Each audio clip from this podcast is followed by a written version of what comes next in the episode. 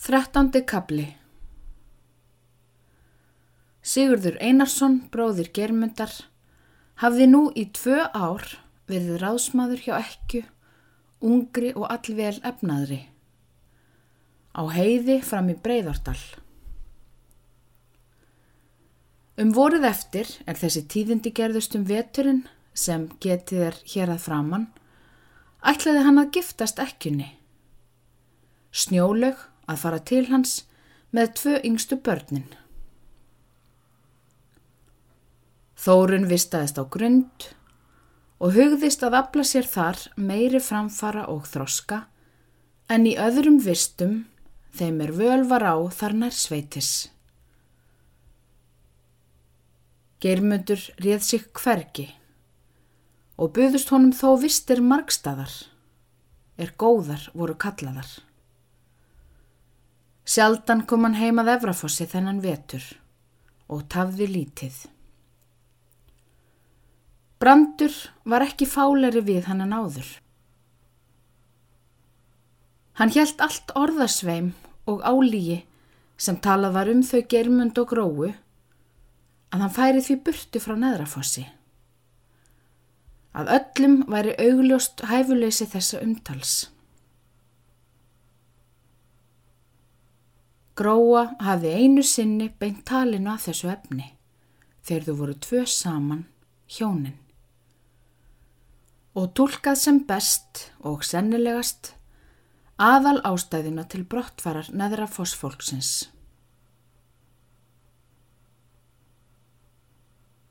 Veturinn leið og voraði snemma. Kaupskip komu í fyrra lægi Því engin hafís var til farartalma. Snjólaug fluttist fram að heiði og hafði með sér nokkuð af fjö og eina kú. Yngstu börnin tvö fylgdanni. Germundur taldi sér vist og heimili hjá Sigfúsi í Breiðholti. Sábær er að austanverðu í dalnum, nokkru norðar en gengt svartholti en raunar var hann lausamaður, þó hitt væri yfirvarpið. Hann átti tólf ær og tíu gemlinga, sex söiði þrevetra og rauð. Engi var mikill og grösugt í breyðholti. Var Sigfús vanur að lána nokkuð af því kunningjum sínum í þar í dalnum. Sigfús var miðaldra maður, ör í skapi og allvel vinsæl. Sæmilega öfnaður en nokkuð vinnegður. Geirmundur hafði verið dapur í huga þennan vetur og vor. En duldi það þó fyrir mönnum en það gengur ungum hraustum karlmanni það betur en þeim sem eru hnignir á efri árin Engum ef það þá eru konur. Hann var oft angurvær fyrstu vikurnar í breyðhaldi og oft stóð hann og horfi yfir að fosnjúki og að árugljúfrunum. Þar fyrir handan voru esku stöðvarnar. Þar hafði hann séð skín og skúrir, hert fossin hveða hátt og kvelt og fjörlega en líka dimt og umurlega. Þar hafði hann margs að minnast. Var yngu búin að gleima, horði, þanga til augun fylltust af vatni og þrengdi um andardráttinn.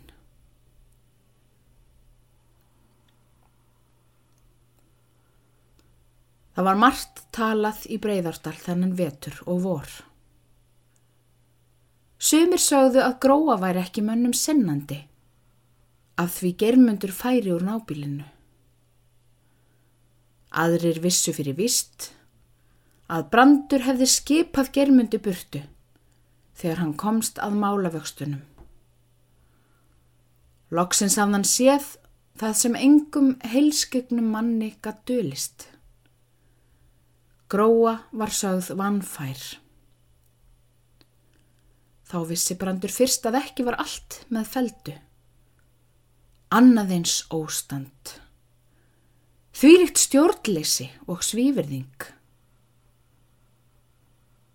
Nokkri sögðu að gróa hefði vélað germund og aðrir að hann hefði tælt hana til fylgilags og stokkið svo burtu þegar hún var orðin ólétt. Allt komið í ólag og úlfúð. Þegar hann var búin að vera hjónadjöfull og svala gyrndum sínum, þá flúði hann frá öllu saman, var kátur og reistur. Skammaðist sín ekki hætis hót fyrir svekin og prettina.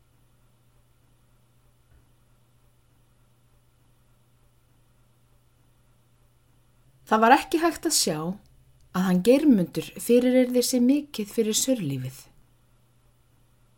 En hvað brandur bar þetta vel?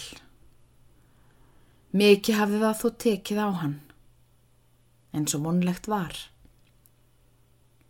Og hvartað hafði hann við kunningja sína. Samt var hann gróu eins góður og áður.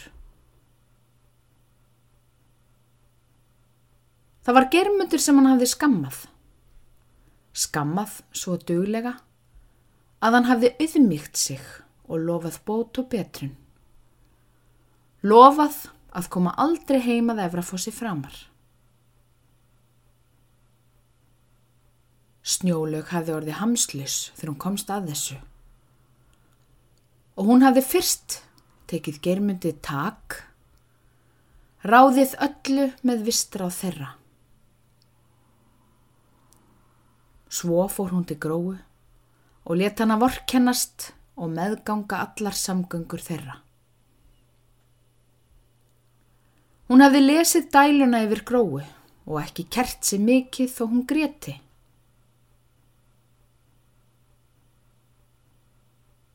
Þetta krakkaði við gröytarpottana, vall með kaffikorgnum, var mjakað með klárunum þegar unnið var á túninu um vorið.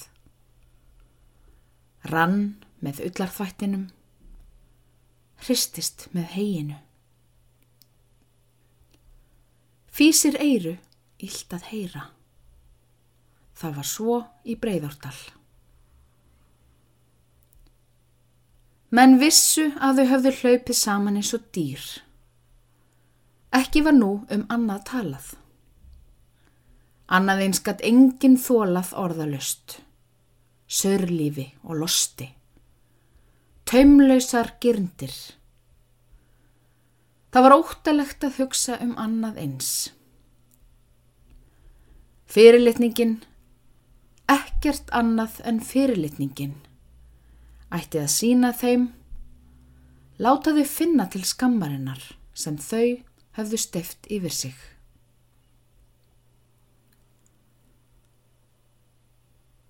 En hvað svo sem fólkið í Breiðordal kjalaði hér um? Þá var sannleikurinn sá að germundur hafði ráðið því að búinu var sundrað. Móður hans var það óljúft í fyrstu. Hann kom þórunni í vist á grund og bað Sigurð að taka móður þeirra og börnin sem nú voru að verða vinnandi og sjálfær. Annarkvort vissi snjólög ekkert eða hún let svo sem hún vissi ekkert. Gróa og hún voru jafn vingjartlegar nágrannakonur á fossunum til þess síðasta. Gestir drukku kaffið hjá gróu með sömu ánæju og áður. Spjölluðu jafn vinalega og áður. Ef nokkru munaði, þá veittu menn húsfreyjunni á fossi meiri gaum en fyrrum. Karlmenn virtu hana engu síður viðlits og viðtals þrátt fyrir allt, sem á dagana hafði drifið þessi síðustu misseri. Bæði veittu því aðtikli að mannfjöldanum varð starðsýtna á þau en áður hafði verið. Að tillit flestra var rannsakandi, forvitnislegt og spyrjandi. Og svo voru frettirnar, þar sem góðir vinir og vinkonur myndust á við þau. Jössu engri fyrirlitning frá mannfélaginu úr sér. Heldur gátu þess hvað mönnum ditti í hug að þvaðra. Fóru varlega. Forðuðust að gremja og særa eftir því sem vitsmunir og mjúklindi lefði. Sögðu samt nóg til þess að hún varð hrætt við umtalið og dagdómana. Ímyndaði sér það hér um byl eins stórvaksið og það var í raun og sannleika. Gróa varð frábitinn mannfundum fyrsta skeiðið og óeinarðari. Henni ofbauð ending og þól manna við þvaðrið og lígina. Germutur gætt líka lesið í eigðurnar. Brái fyrstu til að forðast mennina. Svo rittist hann sladrinu. Hann vissi vel að allt var aukið við. Fann næmt til þess hvernig öllum tilfinningum þeirra var trafkað í saurin. Veldi sorpi og fór. En enginn hafði þreg til að ganga framann að honum, skora hann á holm fyrir síðferðisbrott. Það var ekki hægt að festa hendur á orðasveimnum. Það var sama og að greiða sundur þókuna. Ekkert til að handfesta. Ekkert til að taka fasta tökum á. Hann hataði þvaðrið eins og það var huglust, marklust og illgjant. Gremjan til mannanna hvatti hann til að bera óhalt höfuðið, lúta þeim ekki. Gera þeim ekki það til geðs að beigja bakið. Aldrei að auðmikja sig fyrir svo óhreinu félagsabli og aldrei að blikna nýja blöskra fyrir því. Germundur fór að horfa hvössum rannsóknar augum á fólkið. Högva eftir hugleysinu og eigin elskunni. Samhaldsleysi í öllu drengilegu starfi. Að hver vildi hafa skóin af náungans fæti. Helst á sinn eigin fót. En ef það lánaðist ekki, þá að hafa augna gaman af því að sjá hann ganga skólausan um tíma. Best að fleirin einn reyndu grjótið og gattin í heiminum. Trúin á mennina lamaðist og tortrygni gagvartim ógs og dapnaði. Að hann var sjálfur brotamaður gegn siðferði og mannhelgisvenjum Það vekti tröstið og trúna enn meir og jókonum bölsíni gegn fjöldanum. Þorra mannana. En hann trúði því fastar á einstaka menn og mannkosti þeirra á sér að Jóstein sem eflaust hafði aldrei bugast af syndsamlegum ástríðum. Alla daga verið heiðarlegur sendar maður.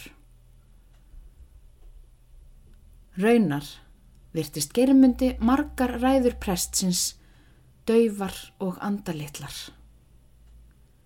En það áleitt hann ellimörk. Eðlileg og sjálfsögð af svo háöldruðu manni. Sjálfur var hann því miður lítill trúmaður. Gat ekki fest hugan nema við örfátt af guðsörði leittist margt sem aðri lofiðu. Allir dáðust að líkræðu klerksins, þeirri sem hann talaði eftir föður hans. Allir nema hann einn. Hann var bresta maður. Það var óvíst hvort dómur hans væri réttur og sangjart um þá ræðu. Móðir hans var semdar kona og faðurinn skapgæfur og rekklaus. En svona var hann, barnið þeirra, vanstiltur og rösull. Ef nokkuð stíð fyrir fæturunum. Ólíkt var það eða þurriður. Hún var góð eins og fadur hennar. Betri, þýðlindari og blíðari en hann. Af því hún var kona. Engin hafði verið jafn vingerlegur við hann og hún. Engin séð eins vel hvað honum bjó í brjósti, hvað hann hugsaði. Með æskunni og fjörinu sem á henni var, hafði hún sjálf séð brot hans. Tekið sér það nærri, en aldrei viðurkenta við aðra. Mælt þeim mót, sínt orðsveimnum fyrirlitning.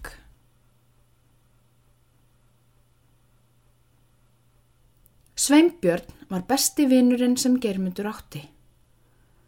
Þeir höfðu margt saman talað. Sveinbjörn hafði einu sinni spurt germund eftir því hver mikill væri satt af orðsveimnum. Eða hvort það væri ekki allt rakalus lígi um ástir hans og gróu. Og honum einum manni hafði germundur sagt nokkur atriði æfintýrist þeirra. Það var trúnaðarmál. Sem germundur vissi að vinur sinn myndi geima vel. Að hann myndi aldrei fylla flokk þeirra sem köstuðu grjóti og öyri að þeim. Honum var enn sárara um að gróa erði fyrir því en sjálfur hann.